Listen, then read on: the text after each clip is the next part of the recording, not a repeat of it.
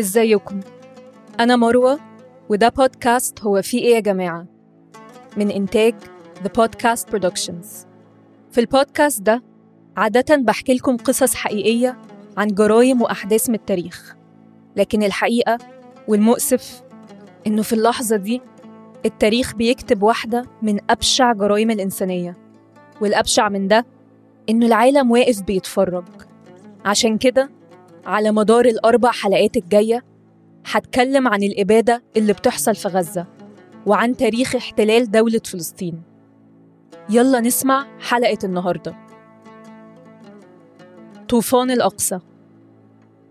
تعالوا نبتدي من 7 أكتوبر وعملية طوفان الأقصى. في الساعات الأولى من صبح يوم السبت 7 أكتوبر صوت الصواريخ دوى في الأراضي المحتلة. وغالبا الصواريخ البدائية بيبقى صعب تتفادى نظام الدفاع الصاروخي الإسرائيلي المتقدم. لكن اللي حصل؟ إنه أطلق الآلاف منها في فترة زمنية قصيرة عشان يقدروا يتغلبوا على ده. العملية أخدت شهور من التخطيط والتخزين.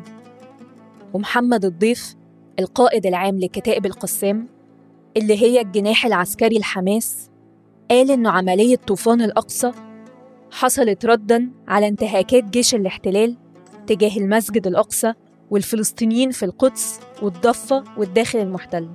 طب قبل ما أكمل الحتة دي في كام حاجة كده محتاجين نعرف معناها. إيه هي حماس؟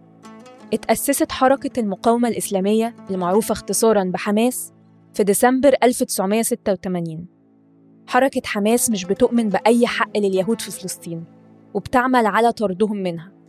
ومش بتمانع في القبول مؤقتا وعلى سبيل الهدنة بحدود سنة 67 لكن بدون الاعتراف لليهود الوافدين بأي حق في فلسطين التاريخية. وبتعتبر صراعها مع الاحتلال الإسرائيلي صراع وجود وليس صراع حدود. بالنسبة لغزة فهي أرض محاصرة. بدأ الحصار الإسرائيلي على غزة سنة 2006 ولحد يومنا ده يعني حصار مستمر من 17 سنة. ولكن إيه اللي بدأ الحصار؟ بعد انسحاب إسرائيل من غزة في 2005 حصلت انتخابات تشريعية حازت فيها حماس على الأغلبية. وعلى أثر النتيجة دي فرضت إسرائيل الحصار على غزة. طيب نرجع تاني لكلام محمد الضيف اللي قال إنه تم إطلاق 5000 صاروخ باتجاه المستوطنات في غلاف غزة والداخل المحتل. أما إسرائيل فبتقول إن نص العدد ده بس هو اللي اتضرب. وبتقول المصادر إن شوية من الصواريخ وصلت لحد تل أبيب. بالتزامن مع ده بدأ هجوم بطائرات شراعية شايلة مقاتل واحد أو اتنين عشان يعبروا فوق السور الفاصل بين قطاع غزة وغلاف غزة. إيه هو غلاف غزة؟ هو مجموعة من المستوطنات الإسرائيلية محيطة بقطاع غزة من الشمال والشرق والجنوب الشرقي. فحصل هجوم بري عن طريق اختراق السور الفاصل بين قطاع غزة والجانب المحتل. وعدت عربيات دفع رباعي ودراجات نارية وفي برضه دخلوا سيرا على الأقدام. الهجوم كان مفاجئ للجانب الصهيوني وكانت خسائرهم كبيرة. وتم اعتقال عدد كبير من العساكر والضباط الإسرائيليين بالإضافة للمستوطنين. وتم السيطرة على مستوطنات وقواعد عسكرية في غلاف غزة. واتقتل عدد كبير برضه من الجنود والمستوطنين. تاني يوم في 8 أكتوبر أعلن الجيش الإسرائيلي إن أكتر من 700 إسرائيلي اتقتلوا ووصل عدد الجرحى ل 2150 مصاب. ومسلحين حماس عملوا هجوم مباغت من قطاع غزة على بلدات إسرائيلية وأخدوا عشرات الرهاين في أكتر الأيام دموية لإسرائيل من حرب 73 في المقابل ردت إسرائيل بقصف قطاع غزة وقتلت المئات. وفي 9 أكتوبر أعلنت الحصار التام على قطاع غزة اللي عايش فيه 2.4 مليون نسمة. أعلن يومها وزير الدفاع الإسرائيلي يوآف جالانت إنهم هيصعدوا إجراءاتهم ضد القطاع إلى حصار كامل لا كهرباء ولا أكل ولا مية ولا غاز. ووصف ده بإنه جزء من معركة ضد حيوانات. ومن هنا ابتدت الإبادة الجماعية اللي بتمر بيها غزة. في حلقات تانية من هو في إيه يا جماعة؟ كنا بنحكي عن جرايم حرب بشعة. مع تساؤل إزاي العالم وافق أو سكت على حاجة زي كده. الإجابة دلوقتي بقت أوضح من أي وقت قبل كده. أول خطوة هي استخدام لغة بتقلل من أدمية اللي بيتقتلوا. فبالتالي بيبقى التعاطف أقل. تاني حاجة نشر الأكاذيب. فزي ما سمعنا عن خبر قتل حماس لأربعين طفل اللي الإعلام في الغرب فضل يردده لدرجة إن رئيس أمريكا قال إنه شاف الفيديو بنفسه. كل ده بعد كده اتكذب منهم وما طلعش حقيقي. لكن للأسف الضرر وقع خلاص. وتالت حاجة هو حجب الحقيقة.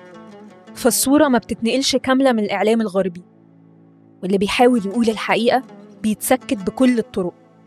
سواء المناصرين للقضية اللي بيفقدوا شغلهم أو اللي بيتضربوا في الشارع زي ما حصل مثلا لمتظاهرين في ألمانيا. أو وده اللي أغلبنا هيكون اتعرض له تقليل وصول أي post مناصرة لفلسطين على ال social media وبكده إسرائيل ككيان محتل قدرت تكسب دعم وتعاطف كتير من الدول. وابتدوا يقصفوا غزة متواصل.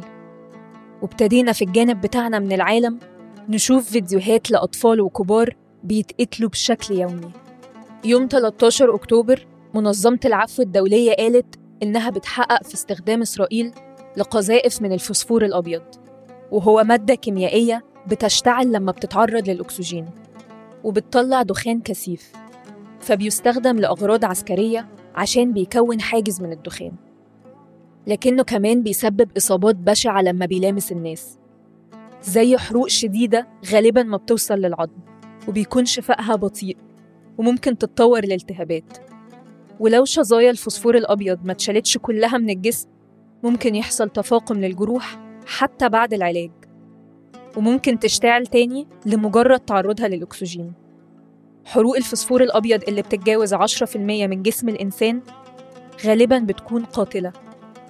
وممكن برضه تتسبب في تلف للجهاز التنفسي وفشل لأعضاء الجسم. ردا على الاتهام ده قالت وزارة الخارجية الإسرائيلية إن الادعاءات دي لا أساس لها من الصحة. يوم 17 أكتوبر في وقت متأخر من الليل اتفاجئ الناس في غزة بانفجار في مستشفى المعمداني نتج عنه حوالي ألف من الشهداء والجرحى سواء من مرضى أو أطباء أو ناس كانت لاجئة في المستشفى. وده بعد أيام من تحذير الكيان الصهيوني للناس في المستشفى إنهم يخلوها. الأول أحد قادة إسرائيل كتب تويت تبين إن هم اللي ورا الانفجار. وبعدين الخبر ده اتمسح. وقالوا إن ده صاروخ من حماس اتضرب بالغلط على المستشفى. كل الأحداث اللي بتحصل دي زي ما قلنا في وسط دعم من الحكومات الغربية. وبالتالي الإعلام كله بيساعد في نشر البروباجندا لصالح الكيان الصهيوني. والمنصات منهم اللي كانت نقلت الخبر صح في الأول نفت بعد كده أو غيرت العنوان. وبقينا بنشهد فعلا على معركة بتحصل على أرض الواقع بس برضه في عالم افتراضي. في يوم 19 أكتوبر اتفاجئنا بخبر قصف كنيسة القديس بروفيريوس كنيسة الروم الأرثوذكس بمدينة غزة ودي تالت أقدم كنيسة في العالم. وكان في فلسطينيين لاجئين فيها. معبر رفح هو المعبر اللي بين مصر وغزة. اتجمع عنده ناس كتير من هيئات تنموية بمستلزمات للإغاثة في غزة. لكن عدى يوم ورا التاني والمعبر ما بيفتحش. لحد ما في يوم 21 أكتوبر دخلت أول 20 شاحنة من معبر رفح شايلين أدوية ومستلزمات طبية. طبعا 20 شاحنة ما تجيش نقطة في بحر من احتياجات الفلسطينيين المحاصرين في غزة. واستمر القصف ونشر الأكاذيب في الإعلام. يوم الجمعة 27 أكتوبر حصل انقطاع تام للاتصالات في غزة. ولمدة يومين ما بقاش في معلومات عن اللي بيحصل جوه. وأعلن المتحدث باسم الجيش الإسرائيلي دانييل هاجاري إن القوات الإسرائيلية بتعمل على توسيع نطاق المناورات البرية في قطاع غزة. لحد ما وسائل إعلام فلسطينية يوم الحد قالت إن الشبكة بترجع تدريجيا للقطاع. وابتدى يجيلنا أخبار تاني. مخيم جباليا هو أكبر مخيم للاجئين في غزة. بيعيش فيه الفلسطينيين اللي تهجروا من المناطق المحيطة بغزة في سنة 48 بسبب الاحتلال الإسرائيلي. وهو منطقة متكدسة سكانيا. يوم 31 أكتوبر قوات الاحتلال الإسرائيلي قصفت مخيم جباليا في شمال غزة. ونتيجة للمجزرة دي اتقتل أكتر من 400 شخص مدني. القصف أدى إلى أنه أكتر من 20 مبنى سكني اتدمروا بالكامل. وكانت حجتهم إن في قائد من قادة حماس في المبنى. يومها مصر أعلنت إنها هتفتح المعبر لاستقبال الجرحى والضحايا. من يوم 7 أكتوبر لحد دلوقتي عدد شهداء فلسطين أكتر من 8000 شهيد. أكتر من 3000 منهم أطفال. وفوق ال 20 ألف جريح. في عائلات كاملة اتمحت من سجلات غزة وما عادش ليهم وجود. ده غير مناطق سكنية بالأكمل اتدمرت. وناس ما بقاش ليها بيوت أو أطفال فقدوا عائلاتهم ودلوقتي في ملاجئ. في الضفة الغربية اللي أصلا ما فيهاش حماس قوات الاحتلال بتقتل وبتعذب فلسطينيين وبتهددهم عشان يسيبوا بيوتهم. في فوق المية شهيد في الضفة الغربية وأكتر من 2000 جريح. الجزء من العالم المناصر للقضية الفلسطينية أو أي أشخاص عندهم إنسانية بينادوا بوقف إطلاق النار. إسرائيل رافضة لده الأيام اللي فاتت شفنا التأثير الحقيقي للإعلام وشفنا واتأكدنا من نظرة دونية من الغرب تجاه العرب. بس فهمنا أكتر قوة إننا نشارك القصص من ناحيتنا ونحاول ننشر الحقيقة. لما الأفراد في الغرب بيبتدوا يغيروا وجهة نظرهم هيبتدوا يمارسوا الضغط على حكوماتهم وخطوة بخطوة بيحصل تغيير. وقبل ما يكون هدفنا تغيير وجهة نظر فهدفنا بالأساس إن إحنا نفتكر وما ننساش. ولو ما كناش عارفين القصة كاملة نعرفها ونعرفها للي بعدنا.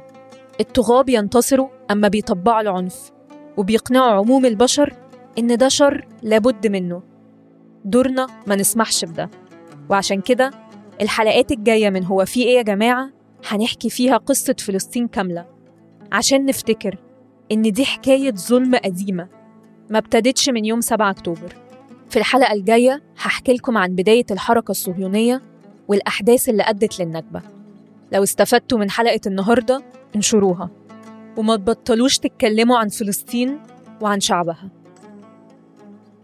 ما بعد طريقه يما يجي ما بعد طريقه في نش فريقه يا